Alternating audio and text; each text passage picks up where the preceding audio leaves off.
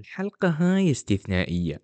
غرضها إنساني بحت ولتحديد الموقف. وصراحة حسيت بالتقصير من أحكي عن كتب وأكو عالم على بعد كيلومترات بسيطة يتعرضون لإبادة جماعية. أيضا كنت محتار لسؤال هل المقاطعة فعلا تفيد؟ لو هي فقط حتى ترضي ضمائرنا أو حتى لا نحس أنه قصرنا اتجاه إخوتنا. والحقيقة شفتوا كثير فيديوهات عن المقاطعة وتبقى المسألة بالنسبة إلي مبهمة. يعني وين ممكن نصل بالنهاية؟ سؤال ليش لازم نقاطع؟ معرف جواب مقنع له. وعليه راح أشارككم الأشياء اللي وصلتوها عن المقاطعة بهاي الحلقة. أبدا ما قصدي أركب الموجة وأبدي أحكي عن الموضوع الترند بالوقت الحالي ولا يهمني. بس كان السؤال اللي على طول ببالي يعني قاطعنا وأجدي يصير مثلا. ما عاد تصلني الفكرة كاملة من المقاطعة. والحقيقة ما ألوم أي شخص يركب الموجة ويبدي يحكي عن الحرب بغرض الشهرة وكسب اللايكات وهاي الأشياء. يعني هاي ونعم الموجة اللي تركبها. وبكل الأحوال أحسن من ترندات الرقص السخيفة. والمهم أنت معانا ما ضدنا. عجبتني مقولة لممدوح نصر الله من يقول كلب ينبح لك ولا ينبح عليك. عفوا يعني ما أقصد أي راكب للموجة هو كلب أبدا بس القصد طول ما أنت معانا عاشت إيدك حتى لو كان الغرض الأساسي كسب متابعين. المهم أنت معانا وما علينا.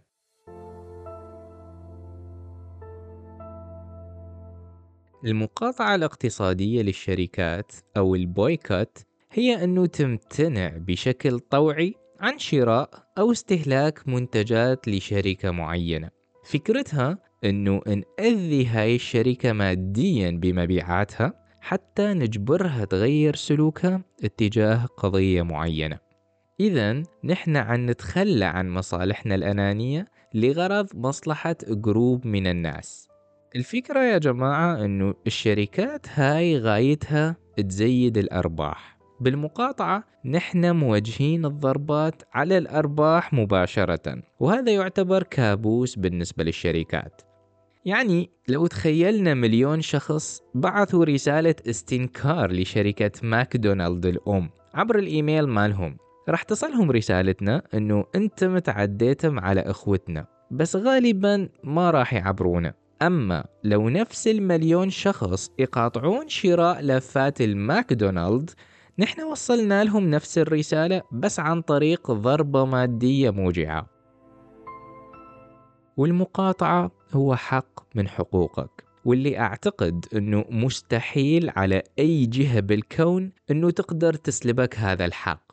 يعني ممكن جماعة تجي تجبرك أنه تغير ديانتك أو تسلبك حرية التعبير بس أشون تقدر تجبرك تشتري فلان منتج؟ ما عاد تخيل الطريقة اللي تسلبك بيها هذا الحق. وقسم يعتبروها حرب بلا سلاح. أعرف أنه لسان حال البعض يقول هسا عن أي سلمية أنت تحكي والمفروض الجيوش العربية تتحرك وحكام العرب خونة وكلام ما منه أي فائدة. بس بدل ما تقعد تلوم الحكام اعمل أنت الممكن وقاطع.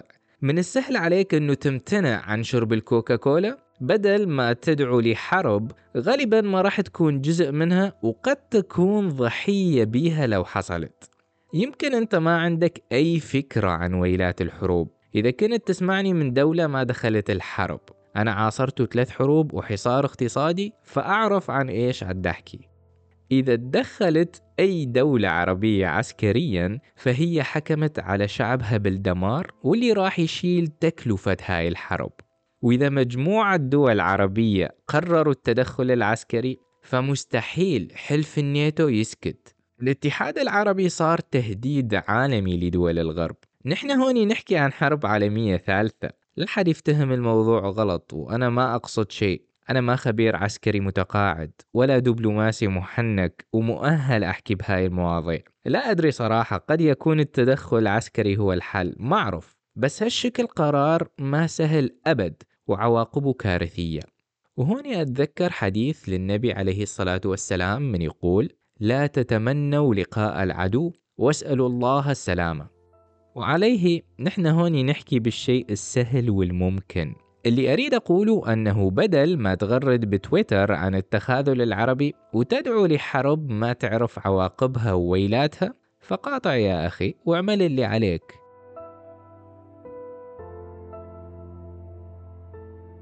طيب حتى تكون المقاطعة بها فائدة وفعالة فضروري يكون التركيز على شركات قليلة. مئات الشركات هي داعمة للاحتلال وصعب نقاطعها كلها. وأيضا المقاطعة العشوائية تشتت من قوتها. أكو مقطع فيديو على اليوتيوب لقطرات موي تتساقط على صخرة من عشر سنوات ويبين لك الطريق اللي صنعته هاي القطرات. وأشون حفرت الصخرة بسبب سقوطها بنفس المكان. لو القطرات هاي سقطت على أماكن عشوائية مختلفة من الحجرة ما راح تحفر أي شيء. وعليه بهاي الحلقة أريد أركز على شركتين أساسيتين للمقاطعة وهي كوكا كولا وشركة بيبسيكو أو بيبسي والمعروفة محليا باسم بيبسي. بس ليش هاي الشركتين بالذات؟ هسه بالنسبة لشركة كوكا كولا وحسب مجلة ماركر التابعة للاحتلال فتقول أنه كولا تقدم دعم سخي وبشكل سري للأحزاب السياسية اليمينية المتطرفة واللي رئيسها الحالي منه بنيامين نتنياهو. وأيضا هاي الشركة عندها مصنع بمستوطنات غير شرعية فوق أراضي فلسطينية تم إبادة سكانها عرقيا. وهذا انتهاك للقانون الدولي اللي ما له أي فائدة. أما بالنسبة لشركة بيبسي فهي مستحوذة على شركة اسمها سودا ستريم واللي هي متواطئة مع الاحتلال حتى يهجرون المواطنين البدو الفلسطينيين الأصليين.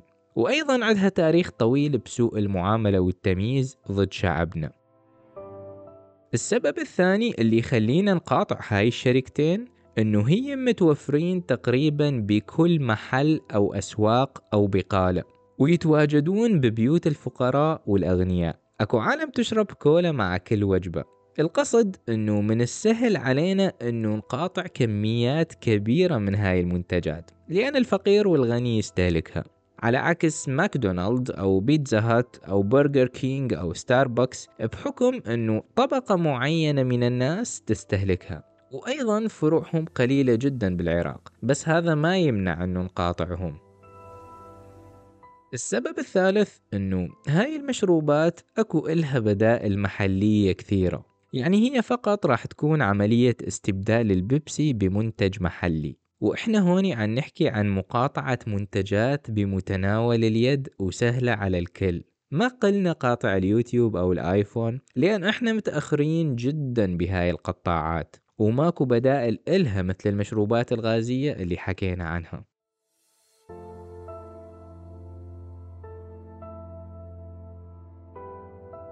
سابقا كنت أحسب خطأ أنه الغرض من مجالس العزاء أو نسميها الفواتح هي ثواب للميت. فكنت أستغرب أنه ليش ما أهل الميت يبنون بير ماي بقارة أفريقيا مثلا؟ يعني كثير عالم هنوك ما عندهم مياه صالحة للشرب بدل ما إنه ننصب خيم ويجون العالم يقرون الفاتحة ويأكلون ويسولفون ويطلعون. يعني بالنهاية أفضل الصدقات للميت هي سقي الماء. بس اللي تبين لي بعدين أنه الفاتحة يحتاجوها أهل الميت وليست معمولة للميت نفسه. الغاية منها هي استقبال التعازي. أهل الميت بهاي الفترة يحتاجون يسمعون كلام طيب. يحتاجون من الحضور التضامن مع مصابهم وهذا الشيء يخفف عنهم مصيبتهم. فيبدون يقدرون الناس اللي عافت شغلها والتزاماتها وجت للفاتحة. وعليه بالمقاطعة نحن نبعث رسالتين. الأولى للشركات أنه هذول الناس أهلنا. نحن مستعدين ندمر أرباحكم ومستقبل شركتكم إذا تمسوهم بأذى. الرسالة الثانية لأهلنا أنه نحن ما ناسيكم ومعاكم وهذا السبب الأول اللي يخلينا نقاطع. السبب الثاني أنه الشركات هاي يا جماعة عملاقة جدا. كوكا كولا ترتيبها 35 أما شركة بيبسيكو فترتيبها 40 حسب القيمة السوقية بوقت تسجيل الحلقة. فمن تبدي شركة كولا تخسر ماديا بسبب المقاطعة المستثمرين يبدون يسحبون استثماراتهم من هاي الشركة خوفا على فلوسهم. وبالتالي تزداد الخسارة بعد أكثر. ولكون هاي الشركات تعطي ضرائب وجزء من أرباحها للحكومة الأمريكية فبهاي الحالة راح تعطي فلوس أقل للحكومة الأمريكية. طيب أمريكا إيش عليها؟ أمريكا يا جماعة تعطي منحة سنوية للاحتلال قيمتها 4 مليار دولار من قبل ما يبدي العدوان حتى وهي أكبر داعم للاحتلال بكل دول العالم. أصلا هي أول دولة اعترفت بينه ومن بين 15 دولة بمجلس الأمن أمريكا هي الدولة الوحيدة اللي معترضة على الهدنة حتى تصل المساعدات الإنسانية لغزة. وعليه ممكن المقاطعة المستمرة؟ تشكل ورقة ضغط قوية حتى أمريكا تنهي مساعدتها للكيان أو على الأقل تقللها أو تعيد النظر بمسألة الدعم. الفكرة يا جماعة أنه الاحتلال وقته محدود جدا بهاي الحرب. يوميا يخسر حوالي 260 مليون دولار حسب البنك المركزي مالتهم. وأيضا قطاع السياحة منهار وهذا من أهم مصادر دخلها. وأيضا اقتصادهم يعتمد على التجارة والاستثمار الدولي بشكل كبير وهاي أيضا من الأشياء المعطلة. وحاليا معتمدين بشكل كبير على الدعم المادي والذخيرة الأمريكية.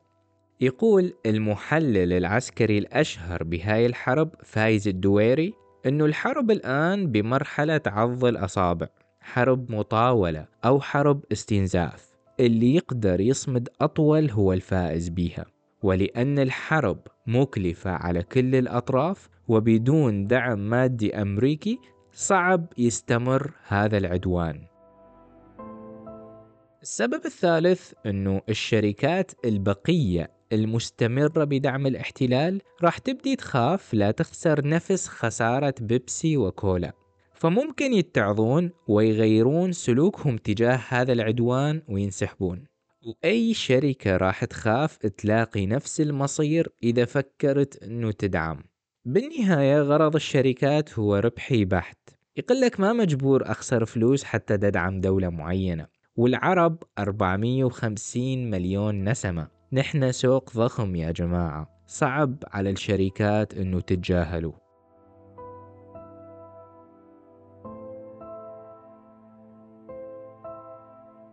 وهوني نصل لسؤال مشهور.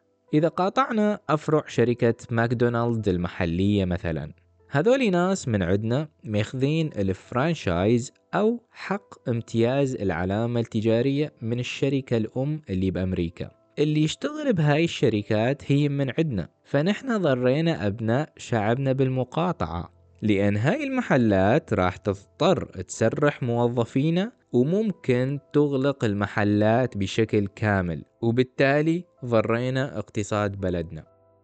الحقيقة يا جماعة إنه أنت قاطعت شراء لفات همبرجر من ماكدونالد بس أنت ما قاطعت الهمبرجر بصورة عامة. يعني أنت استمريت تشتريها من بدائل محلية أو brand ات ثانية. الفكرة إنه أنت قاطعت ال brand وليس المنتج نفسه. حاجتك من المشروبات الغازية هي نفسها بس بدل ما تشرب كولا راح تشرب من علامة محلية. اللي يحصل بهاي الحالة تسمى بعلم الاقتصاد ال demand substitution أو استبدال الطلب. دورة الفلوس داخل البلد ما تأثرت وتذكر أنه السوق يصلح نفسه بمرور الوقت. السؤال الثاني إنه نحن ضرينا شخص من عندنا ماخذ وكالة حصرية لشركة بس ما ضرينا الشركة الأم اللي بأمريكا. الفكرة إنه الوكيل أو اللي ماخذ امتياز العلامة التجارية هو اللي يمثل الشركة الأم ببلدنا وهو عيعطي نسبة من الأرباح إلها من باع وروج لمنتجاتها إلنا. فمثلا 8% من إجمالي مبيعات ماكدونالد يروح للشركة الأم وبالتالي راح تتأثر بالخسائر. هو صحيح الخاسر الأكبر هو رجل الأعمال وخاصة إذا كان ما منوع مصدر دخله وهذا جزء من التضحية اللي لازم ندفعها. رجل الأعمال هذا ملتزم بعقد مع الشركة الأم فإذا حاول يقاطعها فراح ينظر لأن أكو عقوبات ورسوم راح يضطر يدفعها. بس هو يقدر يستخدم بنود القوة القاهرة الموجودة بالعقد حتى ينهي ارتباطه بالشركة. باعتبار أنه المقاطعة اللي حصلت له أو اللي تعرض لها ظرف خارج عن إرادته بالكامل واللي يخلي الالتزام بالعقد مع الشركة الأم أمر صعب ومستحيل. طيب ما بال العمال اللي راح تتشرد وتخسر شغلها؟ هو الحقيقة راح ينظر جزء من العمالة بس الفكرة إنه الناس المقاطعة بدل ما تشرب قهوتها من ستاربكس صارت تشتريها من شركات محلية ولأن راح يزيد الطلب عليهم فراح يضطرون ويا محل هذا الاضطرار إنه يتوسعون بالشغل وبالتالي يحتاجون يد عاملة خبرة بالمجال. هو صح ما بالضرورة نفس العمال اللي تسرحوا راح يشتغلون ولا بالضرورة عدد المناصب اللي انفتحت تساوي عدد المناصب اللي انغلقت. ولكن الفكرة إنه توفرت فرص بديلة. نحن يا جماعة لازم نشوف الأمور من منظور عين الطائر. المقاطعة بها تضحيات صح بس بها نتيجة فعالة على المدى البعيد. يمكن ما راح تشوفها بأسبوعين بس راح تشوفها بعد أشهر. نحن لأن متحمسين نريد النتيجة سريعة بحيث تنهي الحرب وهذا الشيء صعب.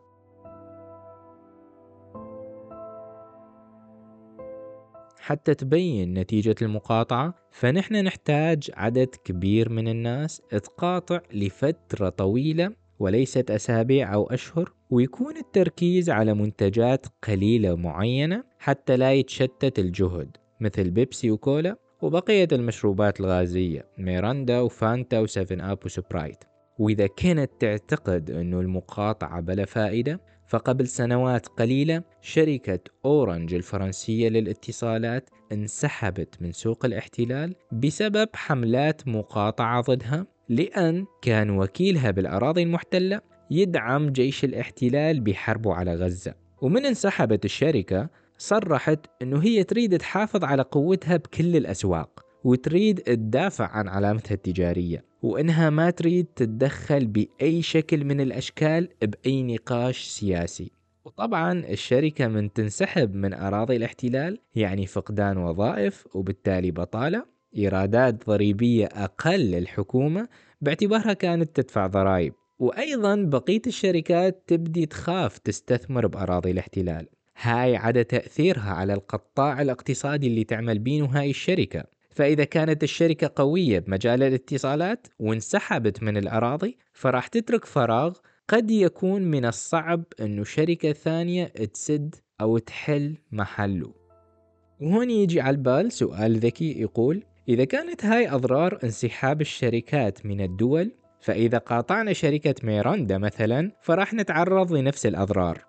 الفكرة أنه إذا قاطعنا شركة موجودة ببلدنا فشراعنا لمنتجات محلية بديلة راح يخلق فرص عمل ثانية تسد النقص اللي حصل. ولكن لو كانت الشركة المنسحبة نتيجة المقاطعة هي بأراضي الاحتلال فصارت من مسؤوليتهم أنه يخلقون هاي الفرص ويحلون بقية التبعات. أتوقع الفكرة واضحة.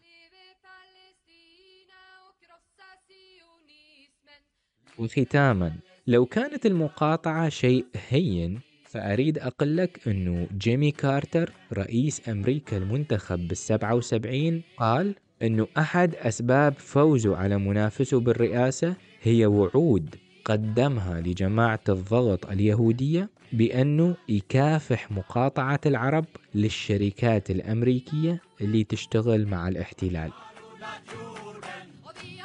إلى هون تنتهي الحلقة. إذا كان أكو أبعاد ثانية للمقاطعة فأحب أقراها وممكن نناقشها بالتعليقات. كل الدعم لإخوتنا بغزة وفلسطين وشكرا لوقتكم واستماعكم. أرجع لكم قريبا بحلقات حقيقة متحمس أنه أتعلمها وأشاركها معاكم. مع السلامة.